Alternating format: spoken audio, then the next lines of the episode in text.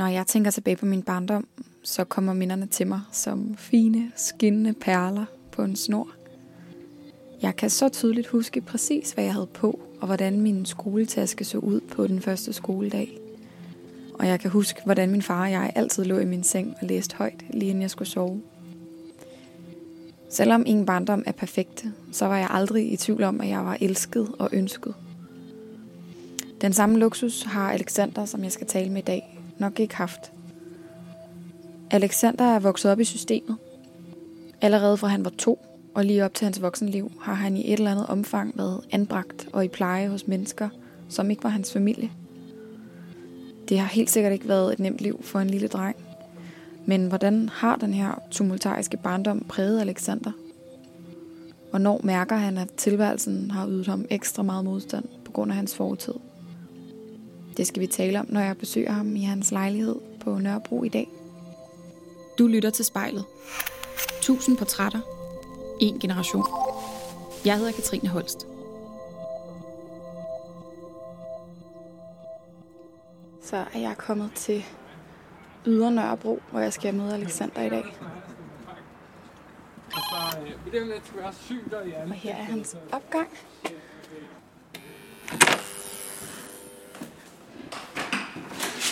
Hallo, hallo. Hej. Der, ej, der var en lille kat, der også lige tog imod mig der. Hej med jer to. Hej. Velkommen til. Tak skal du have. Hvad er det for en lejlighed, du bor i her? Jamen øh, lige nu er vi sådan øh, yderkanten af Nørrebro, øh, og jeg bor i en lejlighed sammen med min kæreste, som vi altså heldigvis hans forældre har købt, så vi kan få lov til at lege. Så vi har en dejlig stue og et dejligt soveværelse, og et dejligt køkken. Det er sådan meget klassisk københavner-lejlighedsagtigt med det der med sådan et, et lidt smalt køkken.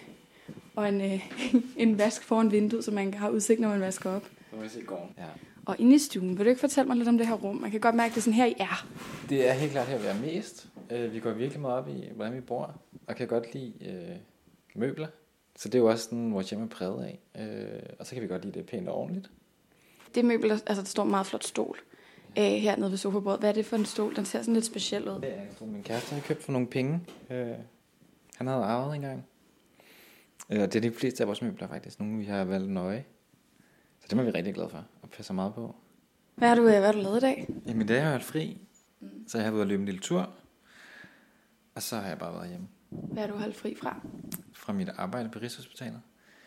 Jeg er ansat som øh, sygeplejesekretær lige nu, men det er jeg færdig med lige om lidt. Så jeg har lige noget afspacering, jeg skal have brugt op. Det er så tre arbejdsdage, jeg har tilbage. Vi er midt på ugen nu, cirka. Mm. Ja, så det glæder jeg mig rigtig meget til. Så skal jeg lave noget helt andet. Jeg er blevet ansat i de anbragtes vilkår som akademist. Ja, Ja. Tæller du lidt timerne? Det lyder som om, der kom sådan en kæmpe smil op på dit hoved, da Ja, du det sagde, der var- var tre dage tilbage. Jeg tæller rigtig meget timer og dage. Øh, Jeg har været glad for at være på ride, men nu glæder jeg mig til at lave noget, jeg brænder for. Mit navn er Alexander, og du lytter til spejlet.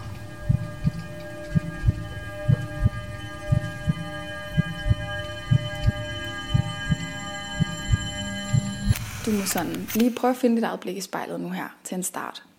Ja. Øhm, og sådan lige, lige selvom katten gerne vil have din opmærksomhed, så lige prøv at lande lidt i det, og sådan øh, tage en god dyb indånding, og lige lade skuldrene falde lidt ned på plads, eller den her fridag, sådan sætte sig rigtigt i kroppen. Øhm, og så må du gerne finde dit eget blik og fortælle mig, når du er klar, så går vi nemlig i gang. Jamen, jeg tror, jeg er klar nu. Det er jo, det er jo svært at forstå et, et menneskes øh, livshistorie på, på en time. Øhm, og jeg tror, at vi er, for ligesom at lære dig at kende og lære at forstå det her menneske, der, der sidder foran spejlet i dag, så skal vi nok ud på en, en eller anden form for tidsrejse, tror jeg. Øh, og jeg har lyst til, at vi skal lave tre sådan nedslag i den her, i den her historie, som der er dig. Øhm, og det giver nok meget god mening at starte lidt med begyndelsen. så jeg synes, vi skal, jeg synes, vi skal tage tilbage til, til, da du var barn, og da du var lille. Så jeg vil gerne bede dig om at prøve ligesom at finde barnet, Alexander, inde i spejlet. En, en lille fyr.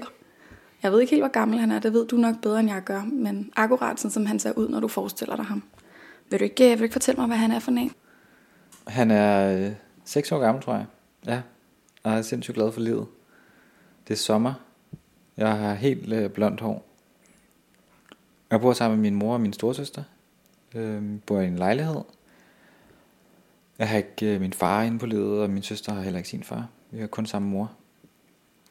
Øhm, Den sommer bliver min mor syg. Øh, hun bliver rigtig syg og bliver indlagt i lang tid. Og jeg kan huske, at vi bor forskellige steder. Primært familie. Vi bor også hos lidt aflastning, som vi har gjort øh, gennem mange år, fordi min mor har arbejdet i weekenderne. Så det er egentlig en familie, vi kender godt. Hvad betyder det her med aflastning? Det, ja, jeg har en idé, men jeg er ikke helt sikker på, at jeg ved det. Øh, aflastning, det, jeg, dengang, der vidste jeg heller ikke, hvad det betød. Jeg tror, det har betydet, at min mor havde øh, ligesom sin tid til øh, sit weekendarbejde, men også noget fritid. Fordi hun var alene med mig og min søster. Altså, når jeg tænker på den tid, så husker jeg, at det ikke sådan kaotisk. Øh, jeg har fået fortalt rigtig mange ting om, hvordan det var, men for mig er det faktisk gode minder. Er der så et tidspunkt senere hen, tænker jeg, øh, når du bliver lidt ældre, hvor den der gyldne glød, den fader lidt, eller hvad? For mig bliver det rigtig kaotisk, da der går øh, sådan efter første skoleår, tror jeg, fra 0. klasse op til første, fordi der begynder jeg at have det svært i skolen, og der mangler jeg virkelig den der støtte. Mm. Jeg bliver lidt ligesom sådan en kastebold, eller sådan, hvad jeg kan huske selv, og så jeg ender bare med at være et sted, uden rigtig at være der. Øhm. Hvad, sådan, hvad for nogle følelser skabte i dig det her med at bare blive kastet lidt rundt og ikke rigtig være der, hvor man var? Jamen, der var ikke rigtig nogen plan for sådan en som mig. Øh, min søster var der ligesom lavet en plan for, at hun gik på en skole, så kunne hjælpe og støtte hende, som det skulle. Det var der ikke for mig. Så derfor følte jeg lidt, at der var nogle år, eller sådan de år der, der var, det var rent kaos. Mm. De første skoleår. Det var også inden for de år, at øh, min søster og jeg blev anbragt. Ja. Ude fra hjemmet. Hvordan reagerede den her lille gut på, på kaoset? Øhm, jeg gik ikke i skole. Altså, jeg, jeg kunne slet ikke lære noget som helst. Jeg var der bare til stede. Øhm, og kæmpede virkelig for at bare have nogle venskaber. Fordi det var ligesom det. Selv når man, da jeg blev anbragt, så var det meget frem og tilbage. Mm. Og det var svært for dem at finde en base for, hvor vi skulle anbringes ind min søster og. Mm. Når du siger, du blev anbragt, hvad betyder det? Øhm, for mig betyder det, at øh, vi ikke kunne bo hjemme mere. Det var en frivillig anbringelse, som min mor havde været med til at sige, at hun godt forstod, at øh, min søster og jeg ikke kunne være der. Øhm, og jeg husker det sådan lidt, at, at vi blev bare hentet en aften og kørt ud på hver vores institution. Øh, der kom en dame fra kommunen og sagde, at øh, vi skulle pakke nogle ting, der betyder noget, og det var altid en god idé at have sin egen hovedpude med. Og så blev, man, så blev vi kørt afsted. Jeg har stadig den hovedpude, den ligger i en plastikpose på loftet. Jeg har faktisk ikke få mig selv til at smide den ud, den er jo gammel. Altså, den er, hvor det er 6 år, jeg er 27 i dag, ikke? så den har nogle år på banen. Altså nu er den kommet længere og længere væk fra mig. Jeg tror, jeg ligesom har fundet ud af betydningen for nogle andre ting. Men øh, lige nu har jeg. Og det er jo også fordi, jeg bærer rundt på alle mine barndomsminder selv. Altså jeg har jo ikke et sted, hvor der ligger gamle billeder og sådan nogle ting. Det, jeg har ikke nogen bedsteforældre eller nogen forældre. Så de ting samler jeg jo stadig selv på. Så jeg tror bare, den er røget ned i sådan en kasse. Hvad går der gennem dit hoved, da den her dame kommer og giver dig verdens mærkeligste pakkeliste? Jeg tænkte egentlig, øh, hvornår jeg skulle hjem igen, og hvem der skulle passe på min mor. Fordi så var der jo ikke nogen hos hende hele tiden, fordi det havde mig og min søster jo været. Og så jeg var jo meget bekymret for, altså hun kunne, kunne klare sig selv, hun sad i kørestol, og ja, sådan basale ting, hvad hvis hun faldt og sådan noget. Nu var der slet ikke nogen. Følte du dig meget ansvarlig for din mor? Jeg følte mig helt vildt ansvarlig, og var altid bekymret. Når du var bekymret, mens du var i skole, hvad gjorde det så ved dig? Det gjorde, at jeg ikke kunne koncentrere mig. Jeg havde så svært ved det. Øhm, mm. Jeg ville egentlig hellere hjem, fordi det her, hvor jeg blev anbragt henne, det var langt væk, fra hvor min mor boede. Men skolen lå stadig tæt på, så hvis jeg kunne få mit snit til det, så løb jeg jo hjem. Hvad ønskede du dig på det her tidspunkt? Forestil dig, om du var gået rundt, og der er noget, du drømte om? Altså, jeg drømte jo om at komme hjem til min mor, dengang, da jeg var øh, lille. Øhm, så det der med ligesom, jeg ønskede, at der var en plan eller et mål for min anbringelse, eller for min skole dengang. Og jeg, altså, jeg var ikke inkluderet i noget af det, så det synes jeg var svært. Fordi at, mm, når man bliver anbragt, skal man så komme hjem igen. Er det målet? Det vidste jeg ikke noget om. Så jeg ønskede ligesom, at der var ja, noget vidshed for fremtiden på en eller anden måde. Ja. Hvad for nogle følelser skabte i dig, den her uvidshed? Jeg var vred. Jeg tror, jeg, jeg var altid vred. Øhm, jeg har nok også været meget ked af det. Men jeg var sådan på barrikaderne, hver gang der var møder med kommunen eller andre voksne. Fordi jeg følte, jeg skulle ind og kæmpe min sag alene. Hvordan fik du afløb for vreden? ja, jeg var hissig. Ja, jeg kunne splitte det hele ad. Eller sådan, det, var det, det var det, der gav mening for mig dengang. Altså, sådan, det var den eneste, jeg følte, at jeg kunne øh, blive set. Mm. Øh, men tit så gav det også, altså sådan, så gav det jo øh, luft. Jeg har fået fortalt, at sådan efterfølgende, når jeg havde de der hissige udfald, så begyndte jeg altså at op bagefter, og sortere alle mine ting, og for så var det som ro i hovedet, så kunne jeg også gøre nogle af de her ting. Så jeg kunne godt have ønsket, at det var sådan, at jeg slap for at gøre det, og fik noget hjælp på en anden måde dengang. Men det skete ikke. Mit navn er Alexander, og jeg er barn.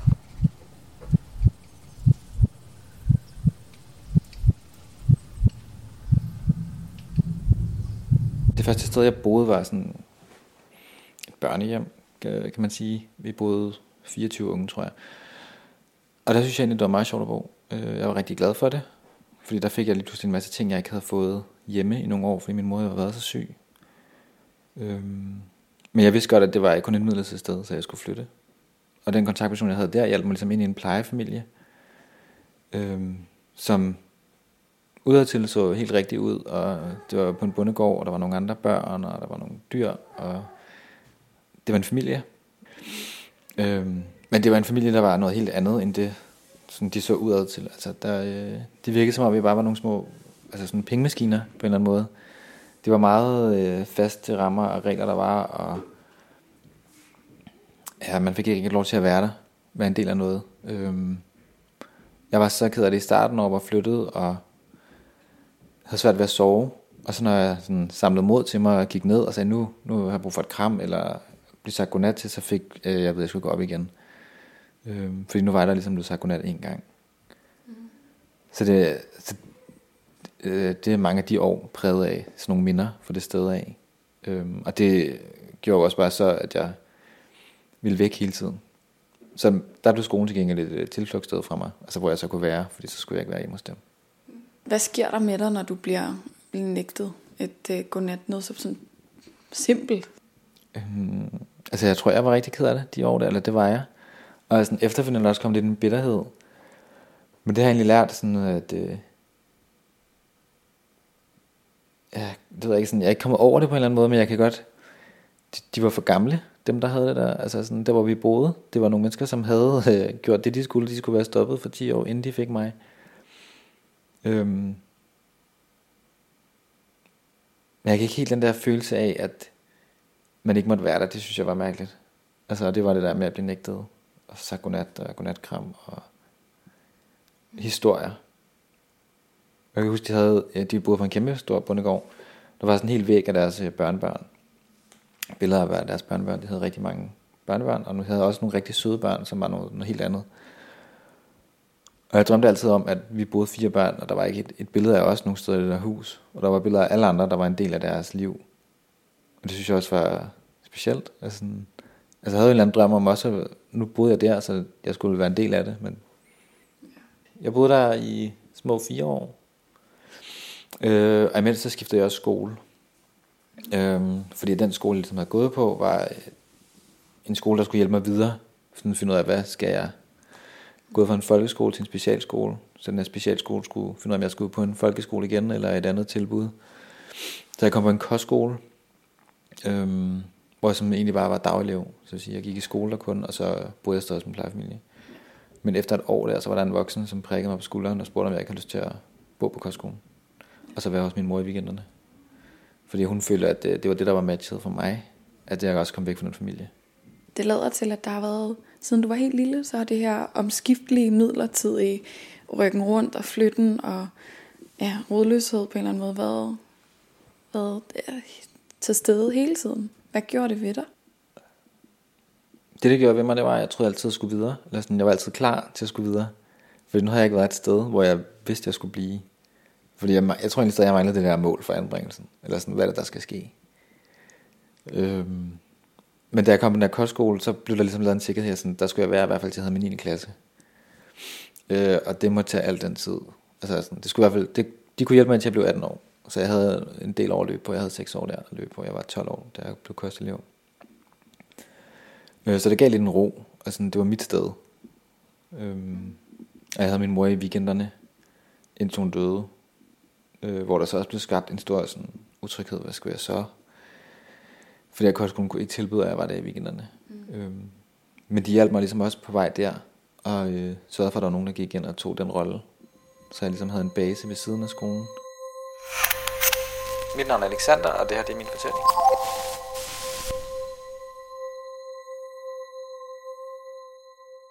Nu er du måske bevæget dig lidt for det her barn til at være ung, og det er en anden form for liv man har her, forestiller jeg mig. Der er også nogle, nogle andre, noget andet ansvar, og nogle andre ting, der optager en, og nogle andre dilemmaer, man lige pludselig står og, og er en del af. Så, så jeg tænker, som det næste sådan, nedslag, der er det netop det her, det er unge menneske, jeg gerne vil have, at du lige prøver at finde frem, når du kigger på dig selv i spejlet. Ja. Og, og ja, der i den der 15 års alder måske, giver måske meget god mening at, at stoppe op. Fordi hvad er det for, øh, hvordan er dit liv blevet anderledes her? Lige præcis da jeg bliver 15, det er det år, jeg også med til min mor. Så der bliver alt jo anderledes for mig. Øhm, og der bliver ligesom lagt en plan for, at det er sådan her, der skal ske med Alexander. Jeg skal gøre afslutte min skolegang, jeg skal begynde på en øh, uddannelse, og jeg skal flytte hjem fra. Jeg skal have min egen bolig. Og det var ligesom de mål, jeg havde gået efter, da jeg var 15 år. Øhm, jeg får allerede en bolig, da jeg er 16 år, der går jeg stadig i 7. klasse eller sådan noget. Ja, min skoleforløb har været helt blandet sammen. Øhm, for det var kommunens måde at hjælpe mig på. Så der var jeg ligesom fri, og jeg følte selv, at øh, nej, det, var, det var det rigtige, jeg skulle, og det var mit største ønske. Jeg skulle ikke bo nogen andre steder. Øhm, men det gik ikke. Jeg havde ikke nogen penge. Øh, jeg havde jo ikke noget stabilt. Jeg havde jo ikke nogen, der lige hjalp mig med noget som helst. Jeg var jo bare mig selv. Øh, men det ender ret med hurtigt, at øh, en flok af min mors venner ligesom øh, går ind og hjælper. Og skaber et, et andet sted for mig at være. En familie. Mm. Yeah. Så jeg ligesom har dem i weekender og ferie. Og det bliver min... Øh, bliver faktisk også min væve, den ene af dem, øh, fordi jeg skal, jeg skal have en væve. Min far øh, giver sig ikke til at kende, da min mor dør, så jeg skal have en, der går ind og øh, kan tage nogle beslutninger for mig. Og det er der så en, der vælger at sige, det vil han gerne søge. Øh, og han vil også gerne være med til at skabe en familie og et hjem for mig. Mm. Så det giver mig en tryghed i det. Hvordan påvirker det dig, da din far ikke giver sig til kende, da din mor dør? Jeg har aldrig haft noget forhold til ham. Øhm, jeg synes, det var mærkeligt, at han ikke lige øh, rækte hånden op, eller sådan gjorde et eller andet. Jeg havde jo ikke håbet på, at han fik nogen øh, væveret eller noget som helst. Men det, det, det synes jeg er underligt. Men han har levet øh, sit liv og har valgt alkohol mange år før øh, mig. Jeg ved godt, at din mor har været syg i meget af dit liv, men fra at være syg til ikke at være her mere, er alligevel også et, en, et spring, eller sådan, der er alligevel en verden til forskel. Hvordan påvirker det dig, det her, det sker? Øh, altså sådan, jeg var jo usikker, fordi jeg, altså sådan, hvad med mig, hvad, hvad skal jeg lige gøre, og det var jo de der weekender, i hvert fald meget, hvor jeg var hjemme, og altså sådan, der er bare en masse basale ting også. Altså sådan, hvor, hvor skal man være henne? Altså sådan, det var jeg jo mega bekymret for. Men lige pludselig så gik det op for mig, at jeg ikke havde den der bekymring for min mor. Jeg var ikke øh, bange og nervøs hele tiden for, der skulle ske noget, og blev hun mere syg. Øh, de tanker slap jeg jo for, kan man sige. Øh, og det var ikke fordi, at jeg var lettet over med min mor. Men lige pludselig er sådan, at øh, jeg sådan, kunne sænke skuldrene. Fordi at nu var der slet ikke de bekymringer mere. Havde du dårlig samvittighed eller sådan, ja. over netop at være... Jeg havde så dårlig samvittighed over det. Ja. Øhm, fordi alt havde været en bekymring før med min mor. Det var det lige pludselig ikke. Så siger du, at, øh, at der kommer noget ro på i det, at, den, at der er nogle mennesker, der træder ind og ligesom tager noget ansvar, og som ovenikøbet også gerne vil være, være din væve. Hvad sker der inde i dig? Øhm, altså det var jeg virkelig glad for det er jo stadig den dag i dag. Altså det er jo en familie, der har gjort så meget for mig. Øhm, jeg ville jo bare ønske, at jeg kunne være halvdelen af det igen, ikke? Øhm, men det giver mig mere ro til at kunne passe min skole. Fordi det er også, altså de, de har lige pludselig nogle forventninger til mig, og de, de siger jo ikke, at jeg skal komme ud med de højeste karakterer og sådan noget, men man skal gøre nogle ting for ligesom at fungere her i livet lidt, ikke? Og det er jo at passe sin skole eller sin dagligdag på en eller på den anden måde. Så sådan, jeg må hanke lidt op i mig selv, men jeg synes også, det er rart, at når man så gør noget, så bliver det også anerkendt lige pludselig. Ikke? Øhm, jeg tror ikke, jeg havde oplevet det der succes før. Hvad gør det ved dig, det der med at sådan, hvad skal man sige, hvordan reagerer du netop på, at, at der er noget, der begynder at lykkes? Øhm, jamen, så får jeg lyst til at prøve noget mere også. Altså, at, at udforske, udforske nogle ting også. Øhm, kan jeg kan jeg ligesom leve det normale liv, væk fra det her anbringelse, og hvad skal jeg gøre for at kunne det? Sådan nogle ting bliver lige pludselig interessant for mig, fordi jeg ser det som muligheder, når man opnår succes med noget. Hvad er det, hvad er det for nogle redskaber, du så i de her tider ikke har, har fået på samme måde som din jævnaldrende. Jeg tænker bare, der må være meget, der er glippet imellem to stole. Hvad er det, der har været sværere for dig at lære? Jeg tror, det har været rigtig svært for mig at lære det der med tillid til især voksne. Øhm, hvordan skaber man det, og især hvordan sådan, man holder det, fordi det følger bare, at jeg selv skulle sørge for at gøre hele tiden. Øhm, det manglede jeg. Jeg troede ikke rigtigt på nogen. Så da jeg først begyndte at kunne vide, at men der var nogen, der, øh, der gjorde det, de sagde, de ville gøre, og de holdt en aftale, så kunne jeg også selv begynde at gøre det. Jeg sidder foran spejlet, og jeg hedder Alexander.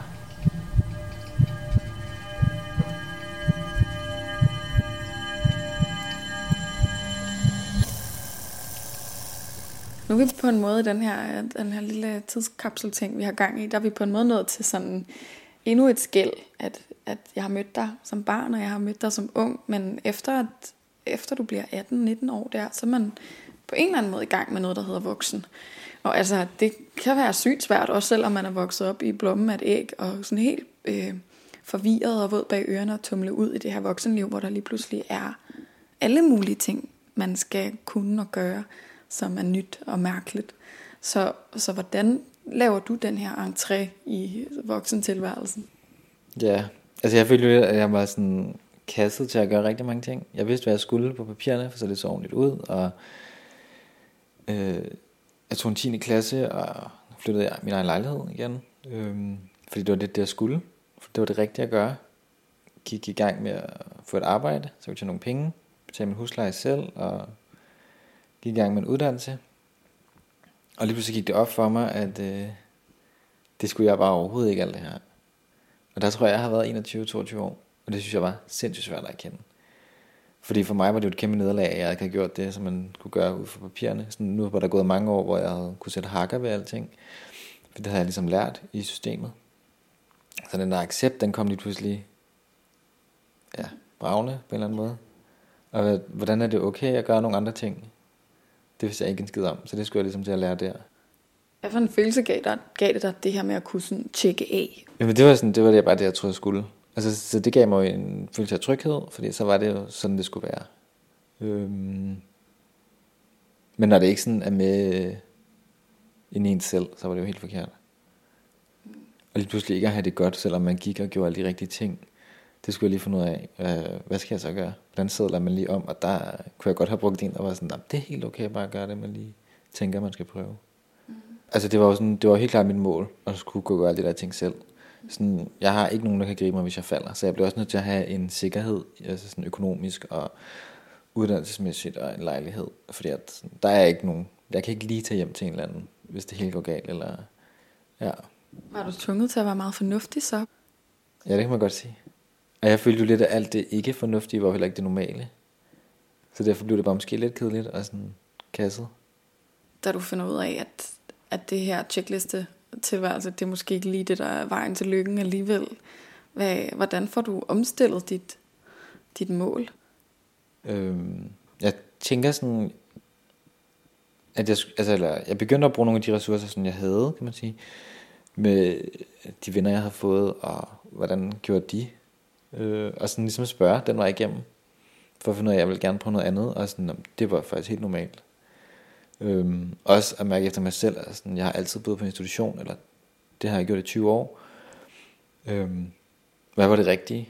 Altså sådan, jeg kom fra øh, minimum 10 mennesker hver dag, hele tiden, til at lige pludselig at være mig selv øh, i en lejlighed, og sådan, det fungerede jeg bare ikke i. Så hvad skulle jeg lige gøre for at rykke noget ved det? Øhm, og så har jeg måske også altid haft den der lidt med, at jeg, øh, jeg vidste, at jeg altid skulle videre. Så det der med lige pludselig at være landet et sted, fordi det var det, man skulle, det virker også forkert for mig. Så jeg blev bare nødt til at prøve noget andet. Ja. Hmm. Ja, var du, blev du ensom af lige pludselig at sidde alene i en lejlighed, uden at der var et mylder af folk omkring dig? Ja, det tror jeg, jeg gør. Altså sådan, jeg tænker ikke mig selv som ensom, men det der med at være vant til, at der altid var nogen, så blev jeg ensom. Jeg kan ikke lade være med at tænke på det der, du, du snakkede om, med netop at være sådan lidt øh, rodløs, eller hele tiden være på vej videre øh, det, er jo en, det er jo en ret vild kraft, eller det er sådan en stærk fremdrift, men jeg forestiller mig også, at det kan gøre, at man har sindssygt svært ved at lande i noget, og nyde noget, og være rolig. Var der, ja, kom der nogle negative konsekvenser med at være på den her måde, som du havde fået lært dig? Det negative ved at være sådan lidt rodløs, det er måske det der med relationer, og skulle tage det med. Det har jeg følt har været meget mit ansvar, fordi jeg gerne har vel prøve en masse forskellige ting. Øhm, så i mange år tror jeg måske også, at jeg har slået mig selv lidt oven i hovedet, for ikke at kunne blive ved med at holde de samme relationer og de samme venskaber, men også fundet ud af sidenhen, at jamen, de venner, som der er ens venner, og det familie, der er ens familie, det, det har jeg stadig, selvom jeg prøver alle de her ting af. Mm. Men det har lige kostet lidt. Øh, jamen det har måske kostet nogle venskaber, eller nogle slag i hovedet på mig selv. Altså sådan, hvad, hvorfor gør jeg det forkert, eller skuffer jeg nogen? Altså sådan, det tror jeg har øh, været præget af dårlig samvittighed. Mm. Ja. Er det det her ansvarsfulde menneske igen, der måske også, vi også så tidligere i den her historie? Eller hvad? Det kan godt være, det er det, der går videre. Er der ligesom noget, du, hvor du godt kan mærke, at du vader rundt med en sten i skoen, der har ligget der siden du var lille, og der er bare noget, der er sværere, eller noget, der gør mere ondt på dig, end det gør på folk omkring dig? Det har der gjort nogle år, men jeg øh, har sådan også fundet ud af løbende, at øh, alle har jo en sten i skoen. Altså sådan, min egen sten i skoen er ikke øh, større end de andres. Så det der med ligesom at sådan kunne acceptere, at øh, alle har et eller andet med sig, det har hjulpet mig til at sige sådan, okay, jeg kan også godt gøre de her ting for mig. Er du stolt af dig selv nu, når man lige har taget sådan en tur henover, øh, henover i helikopterperspektivet ned over det hele? Når jeg sidder og øh, sådan lige har snakket om alle de her ting, så er jeg, fordi jeg har jo alligevel øh, opnået det, jeg gerne vil, og, sådan, og det gør jeg stadig. Jeg bliver ved med at udfordre mig selv. Det her hvorfor er det der rodløshed, har jeg måske fundet ud af, at det skal jeg arbejde med på en anden måde. Øhm, så det er rigtig rart for mig nu at have en base. Jeg kan bruge min hårdfortælling til at skabe noget positivt i dag.